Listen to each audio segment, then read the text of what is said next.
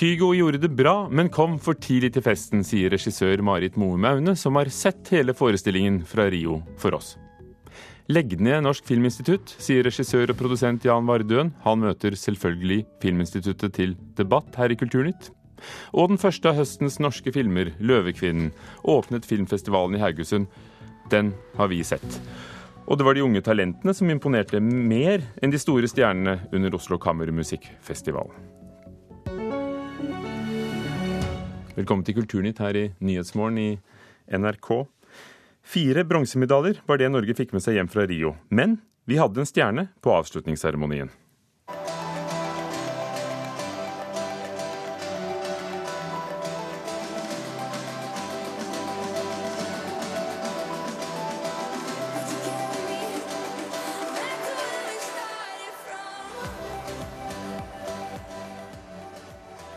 Kygo fra stadion i Rio. Marit Moe Maune, du er regissør, vant i store scener, for du har hatt regi på å spille på Stiklestad, andre utendørsspill, TV, opera og teater, og har fulgt med fra Rio aller først, hvordan gjorde Kygo det? Han gjør det jo kjempefint.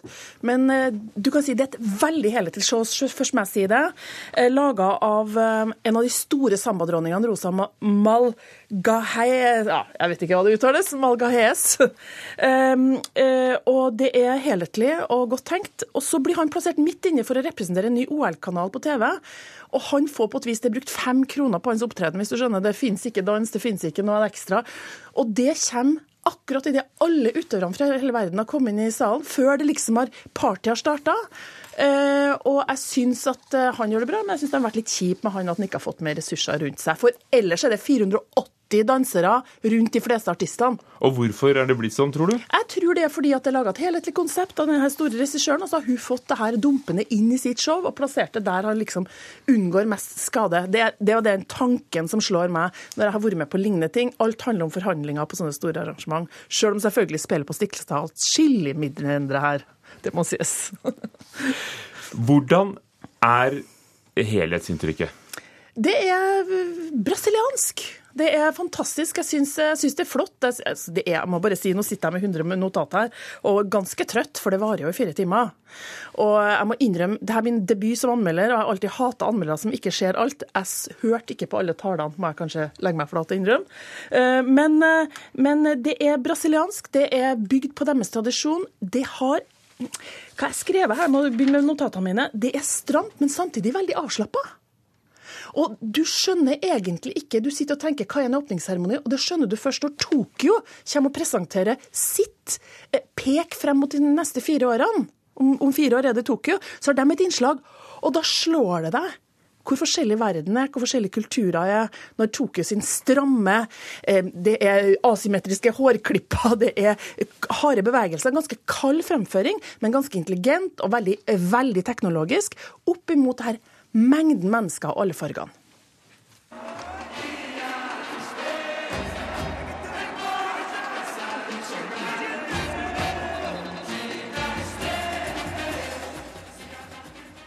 Ja, Ta tema. Ja. Hva handler det om? For her hører vi karnevalmusikken i bakgrunnen. Ja, for Det slår meg som regissør. Jeg må jo bare snakke ut ifra fra faglig ståsted. Vi får veldig tydelig fortalt at det her eh, eh, avslutningsshowet skal handle om hvordan menneskelige talent har bidratt til framskrittet, hvordan kreativitet og store kunstnere og artister har ført verden fremover. Og så handler det ikke om det. Hva handler det om da? Det handler om økologi. Det handler om Brasil, det handler om naturen deres, det handler om hvem de har vært, men ikke minst hvordan de lever tett tett på noen av de største områdene i verden som må tas vare på. Helt varmt og fascinerende, og ikke minst også mennesker. Og det er klart at når OL i Rio med så mye diskusjoner har vært ber om å få kunstnere til å komme og lage åpnings- og avslutningsseremonien, så velger de folk som har statements. Så det handler ikke om menneskelig talent. Jo, det er masse talentfulle folk. Det handler ikke om fremskrittet, det handler om menneskets forhold til naturen og verden. Går det an å lage en helhetlig forestilling eh, som har så mange forskjellige ting de skal pakke inn, og ja. også paradere alle idrettsutøverne? Ja, det, det, er ganske fascinerende. Men jeg sitter jo også og tenker at denne åpningsseremonien, deler av det, plutselig står det bare en sanger, det er helt intim stemning. Kameraet går veldig tett, og du kommer tett på det. Og så kommer de enorme bildene med 500 dansere, og du bare nærmest kan se det fullperspektiv. Og på et tidspunkt så filmes hele seremonien én kilometer ifra med et fly, og det blåser imot deg, så det er klart at det har den energien. Men eh, hvis, jeg skal, hvis, jeg skal, si noe om denne regissøren, eh, i og med at jeg er regissør sjøl, så sitter jeg jo da på slutten når OL-ilden den slukner av et brasiliansk regn. Det er fascinerende. Naturen griper altså inn og slukker ilden på slutten. Og sola, det her store monumentet som er over det her hele, slukner også. Og så tenker du det var jo en deprimerende måte å avslutte på. Men da i natta starter festen. Og Jeg har jo sittet og venta på den brasilianske festen, og ikke minst har jeg sittet og venta på de store eh, du vet, Når du har sett fra Brasil på Rio, så har du sett at de kommer med sånne store anlegg på biler. Da kommer det! Og da kommer den her Regissøren er egentlig en av de fremste kostymedesignerne i verden. Du sitter og venter på det, og så kommer det på slutten. Og da blir utøverne med å danse, og det er fest i Rio. Jeg syns det var flott, det, altså. Marit Moe Maune, selv regissør. Takk skal du ha for at du satt eh, oppe og så avslutningsseremonien fra OL i Rio de Janeiro i Brasil.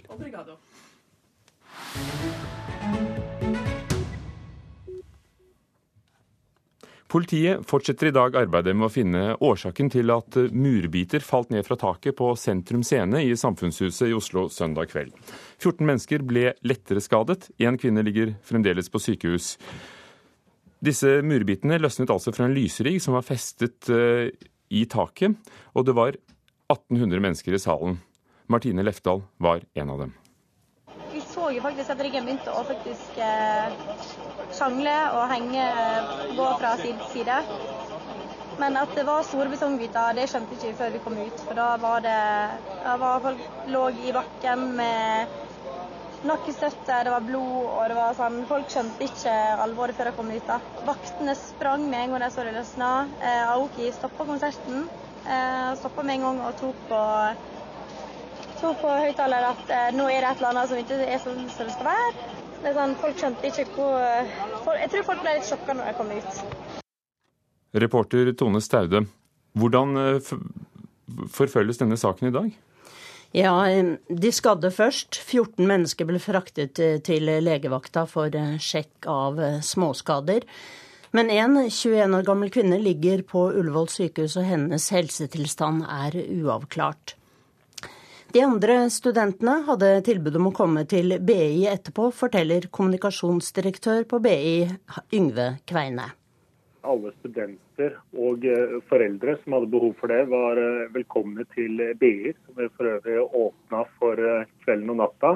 Samtidig som det ble nedsatt kriseteam på Oslo legevakt med helsepersonell og sosionomer som ivaretok studentene og foreldre på best mulig måte. Det var et 20-30-talls eh, eh, elever som kom til eh, skolen, og vi satt sammen i en del timer og snakket sammen om det som hadde skjedd. Sa Yngve Kveine ved Handelshøyskolen BI, for det var altså et arrangement for nye studenter og, og, og fadderne deres ved, ved, den skolen på Sentrum Scene i Oslo. Hva gjør driverne av Sentrum Scene nå? Ja, Roar Viggo Gulbrandsen, som er daglig leder i Auditorium AS, som er eierselskapet til Sentrum Scene, har eh, sendt oss en tekstmelding og sier at han har ingen andre kommentarer enn at de avventer politiets undersøkelser i dag. Som igjen gjør hva? Det er eh, miljøseksjonen ved Oslo politikammer som har tatt over denne saken og etterforskningen. De fortsetter arbeidet med å finne ut hvorfor murbiter falt ned, altså skadet 15 personer under eh, denne konserten, fadderarrangementet på Sentrum Scene. Og foreløpige undersøkelser tyder på at det var en motor som brukes til å heve og senke lysriggen over scenen, som dunket inn i, i murtaket. Takk, reporter Tone Staude.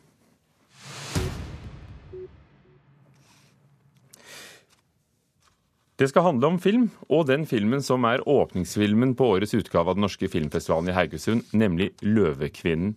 Dette er Vibeke Idsøs filmatisering av Erik Fossnes Hansens kjente roman. NRKs filmkritiker Birger Vestmo var på urpremieren i går. Jeg er lei for det. Men barnet lever. Men Det er ingen barn. 'Løvekvinnen' er en sympatisk historie om annerledeshet, tilhørighet og løsrivelse. Vibeke Idsøs film har gode prestasjoner i sentrale roller, som gjør figurene godt definerte og med klare funksjoner i historieoppbygginga. Enkelte sekvenser lukter riktignok litt av gammel norsk film, der dialog avleveres stivt og teatralsk. Filmen kunne òg med fordel hatt et større driv og energi, men helheten er prega av godt håndverk, med en overbevisende tidskoloritt og miljøskildring, samt en klar dramaturgisk fremdrift som gjør at 'Løvekvinnen' aldri blir direkte kjedelig. Hvis det virkelig ingenting din kan gjøre? Dessverre. Vi må bare håpe at det faller av. Filmen er basert på den kjente romanen av Erik Fosnes Hansen, og historien starter i 1912 i en udefinert stasjonsby et sted nær svenskegrensa. Der blir et jentebarn født med hår over hele kroppen. Vi følger Eva gjennom tre stadier av oppveksten, spilt av henholdsvis Aurora Linseth Løkka som barn, Mathilde Tomine Storm som ungdom og Ida Uskin Holm som voksen. Det handler om livet som annerledes, forholdet hun har til faren Gunnar, spilt av Rolf Lasgaard, og barnepiken Hanna, spilt av Kjersti Tveterås, og kampen for å bryte ut av et skjerma og innestengt liv. Hun skal aldri nærmere fønsteret enn det. Forstått? Jeg forstår. Filmen har en overflødig fortellerstemme, der den lille Eva deler tanker og betraktninger som åpenbart er skrevet av en voksen. Figuren fungerer bedre når vi ser hun i interaksjon med den lille kretsen hun har rundt seg. Eva er forbausende uttrykksfull, sjøl om ansiktsmimikken i stor grad skjules av håret. De tre som spiller hun uttrykker mye ved hjelp av andre teknikker, med øynene som sitt fremste våpen. Dyktige Kjersti Tveterås gjør òg en herlig rolle som barnepiken Hanna, en fyrig og bestemt mellomkvinne i den lille familien. Og bak dem står bautaen Rolf Lassgaard, som nok en gang leverer solid og overbevisende spill. Hans skildring av lavmælte, men eksplosive Gunnar viser han som en hard mann av den gamle skole, men som glimtvis avslører sin dype kjærlighet for sin datter, samt vilje til å gå langt for å beskytte. Fantastisk. Alle de her hårene, når, når forsvinner de? De forsvinner aldri. Noen av scenene med mobbing og utfrysing fra samfunnet rundt er litt haltende skildra og altfor milde i formen. Man blir aldri riktig engasjert eller tilstrekkelig forbanna. Her burde historien vært skrudd hardere til for å vekke publikum. 'Løvekvinnen' er kanskje derfor en litt for pen og pyntelig film, men den diskuterer en tematikk som er evig aktuell. Det handler om å stikke seg ut, jakten etter skjønnhet, vennskapsbånd og forholdet mellom en forelder og et barn. Vibeke Idsøe regisserer sitt eget manus godt, der historien aldri går seg bort i et stort persongalleri eller mister fokus i et bredt tidsspekter. Noe er nødvendigvis komprimert, endra eller strøket fra Erik Fosnes Hansens roman, som nok kan merkes i visse sekvenser, men 'Løvekvinnen' står stort sett stødig på egne ben som film. Om jeg bare hadde vært like pen som deg. Fra Erik Fossnes Hansens eh, roman til film 'Løvekvinnen', anmeldt av Birger Vestmo. Filmen åpnet altså filmfestivalen i Haugesund i går kveld, og så har den norgespremiere fredag denne uken. 16 minutter over åtte, du hører på Nyhetsmorgen i NRK. Lungekreft rammer flere hundre tidligere asbestarbeidere. Nå krever stortingsrepresentant Jan Bøhler fra Arbeiderpartiet CT-skanning av alle arbeiderne for å redde liv. Forbrukerombudet mener Telenor bryter markedsføringsloven i reklamen for mobiltelefoner på avbetaling. Og barn bør lære nettvett allerede i barnehagen, sier flere eksperter NRK har snakket med.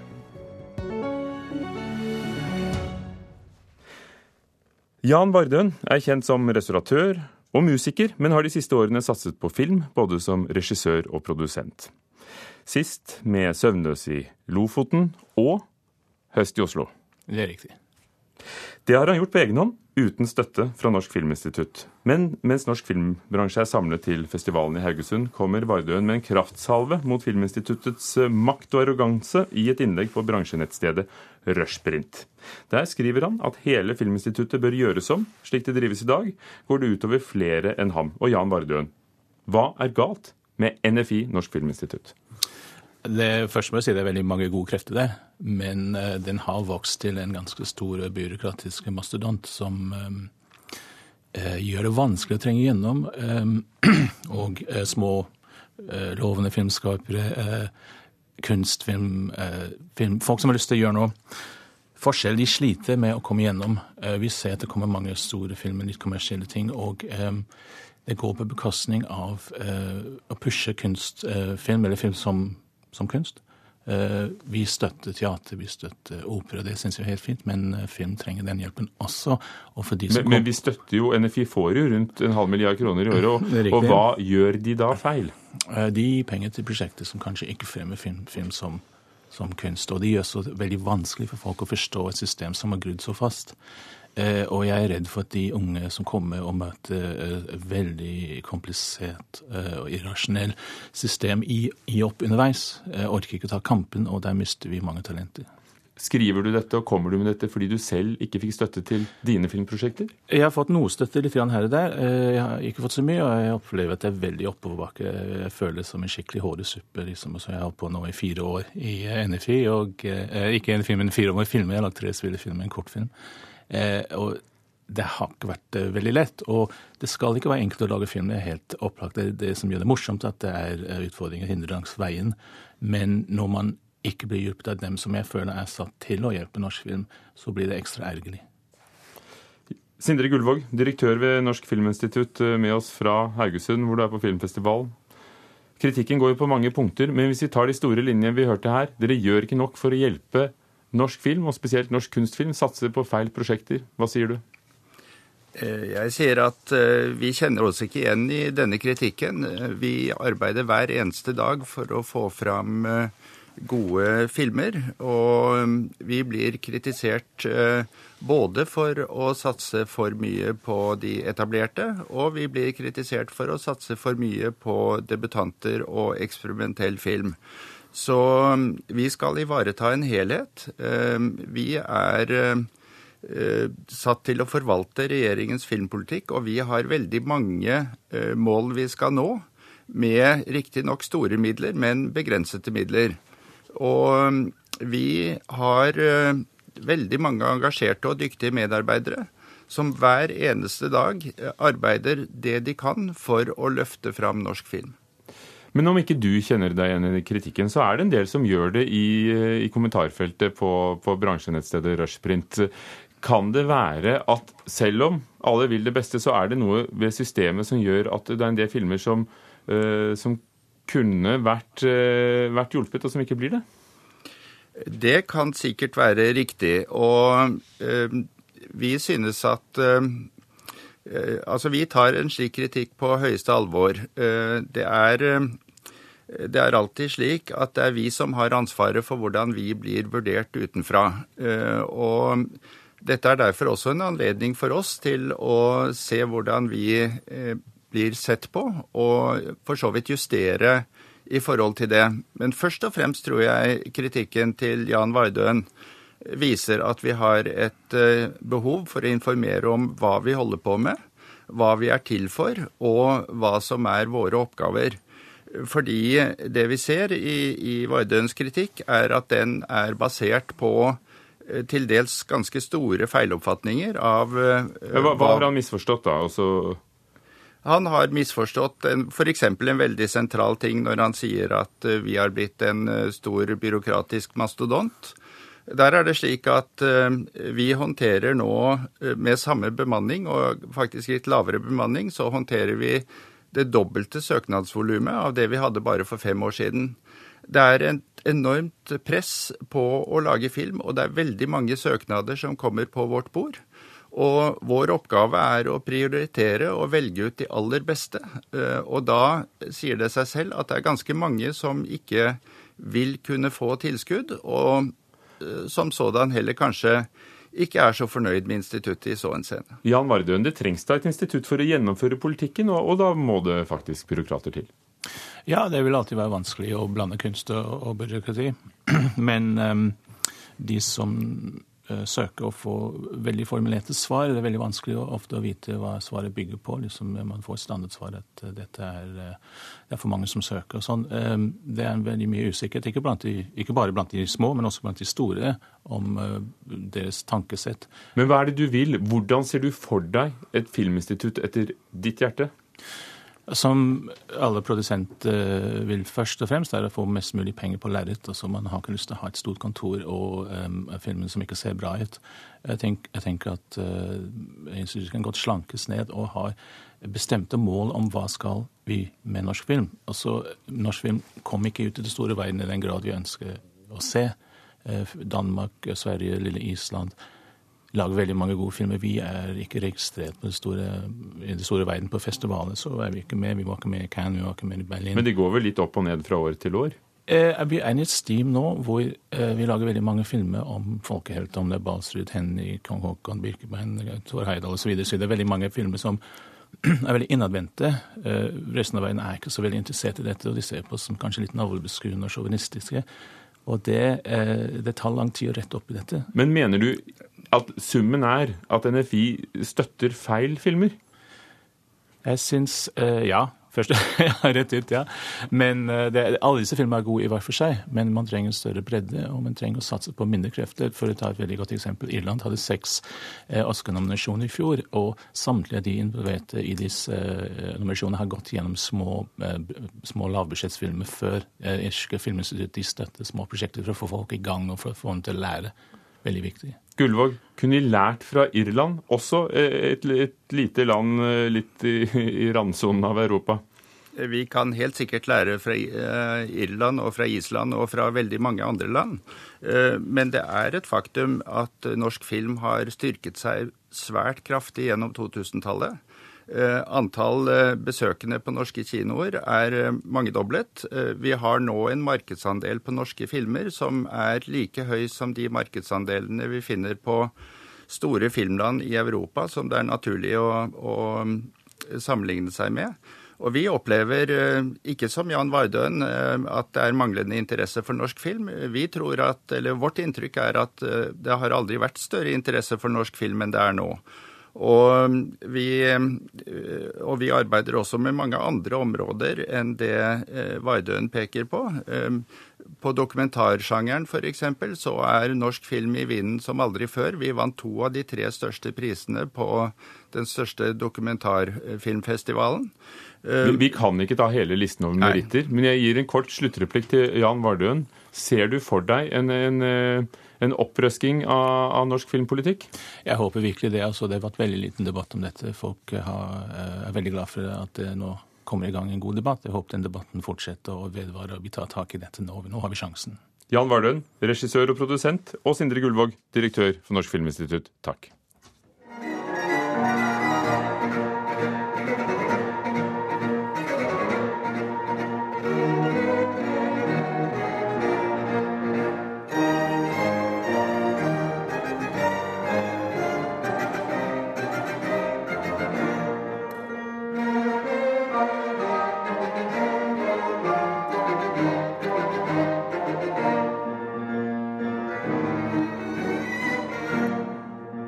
Fredag kveld fant et sjeldent møte sted mellom unge norske musikktalenter og en av de store stjernene i klassisk musikk, nemlig den israelsk-amerikanske fiolinisten Pinchas Zuckermann.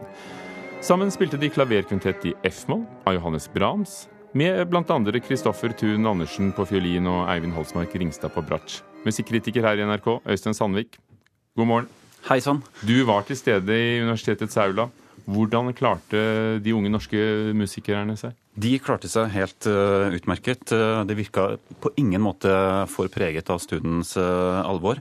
Men var med og leverte en gnistrende fremførelse av denne klaverkvintetten av Brahms. Det var virkelig spill med mye energi og initiativ som da sørga for at uh, dette ble en, en, opplevelse av dette verket som, uh, som virkelig uh, tok av. Særlig Eivind Holtsmark Ringstad på bratsj, en litt mer synlig og tydelig posisjon enn Tune Andersen, som var litt jevnt bak førstefiolinist Sokemann. Men Ringstad sto frem som en virkelig en musiker med mye initiativ, mye energi og en autoritet i spillet, som er forbløffende for en så ung musiker. Zuckermann, et stort navn. Et stort navn? Absolutt. absolutt. Altså, han slo gjennom sånn rundt 1970 og var jo da kjent for dette samarbeidet med pianist Daniel Barenboim og cellist Jacqueline Dupré. Altså, de spilte jo inn veldig mye av dette standard kammermusikkrepertoaret. Etter hvert også da solofiolinrepertoaret med orkester, da, gjerne med Barenboim som uh, dirigent, og har på en måte vært en av de ledende fiolinister da, siden den gangen. Er han det i dag? Han har blitt mer usynlig. ikke sant? Han har uh, kanskje konsentrert seg mer om dirigering. Vært dirigent for et orkester borte i, uh, i Canada der. Uh, og den første avdelingen, hvor han da spilte uten disse norske talentene, den var på ingen måte så magisk og intens som den første delen.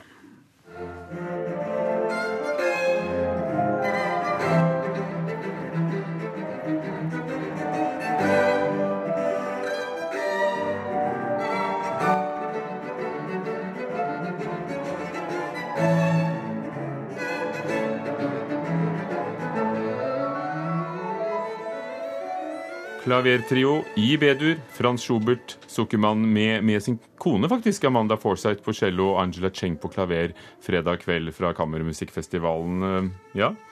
Ja, Dette var litt mer en sånn rutinemessig gjennomspilling av et standardverk. Eh, man fikk en viss følelse av at dette aldri helt tok av. Det ble ikke helt den samme magiske opplevelsen som det ble etterpøse med da disse unge norske, som kanskje gjorde at de tok seg sammen og skjerpa seg ekstra noen hakk. Og som vi hørte i begynnelsen.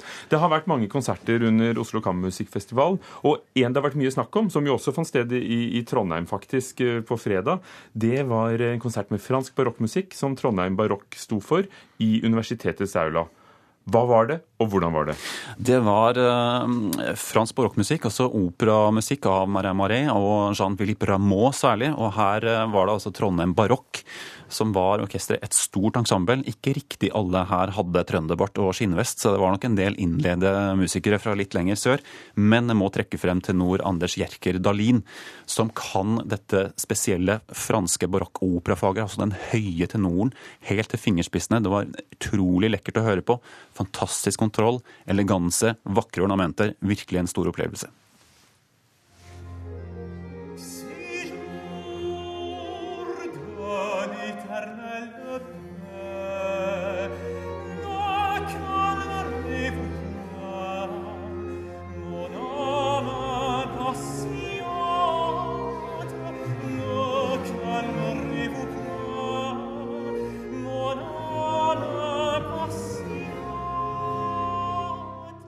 Rameaus opera 'Castor' og Pollux, Jean-Philippe Rameau og Anders Kjerker Dahlin, akkompagnert av Trondheim Barokk på, på originalinstrumenter, dirigert av Hervé Niquet i helgen.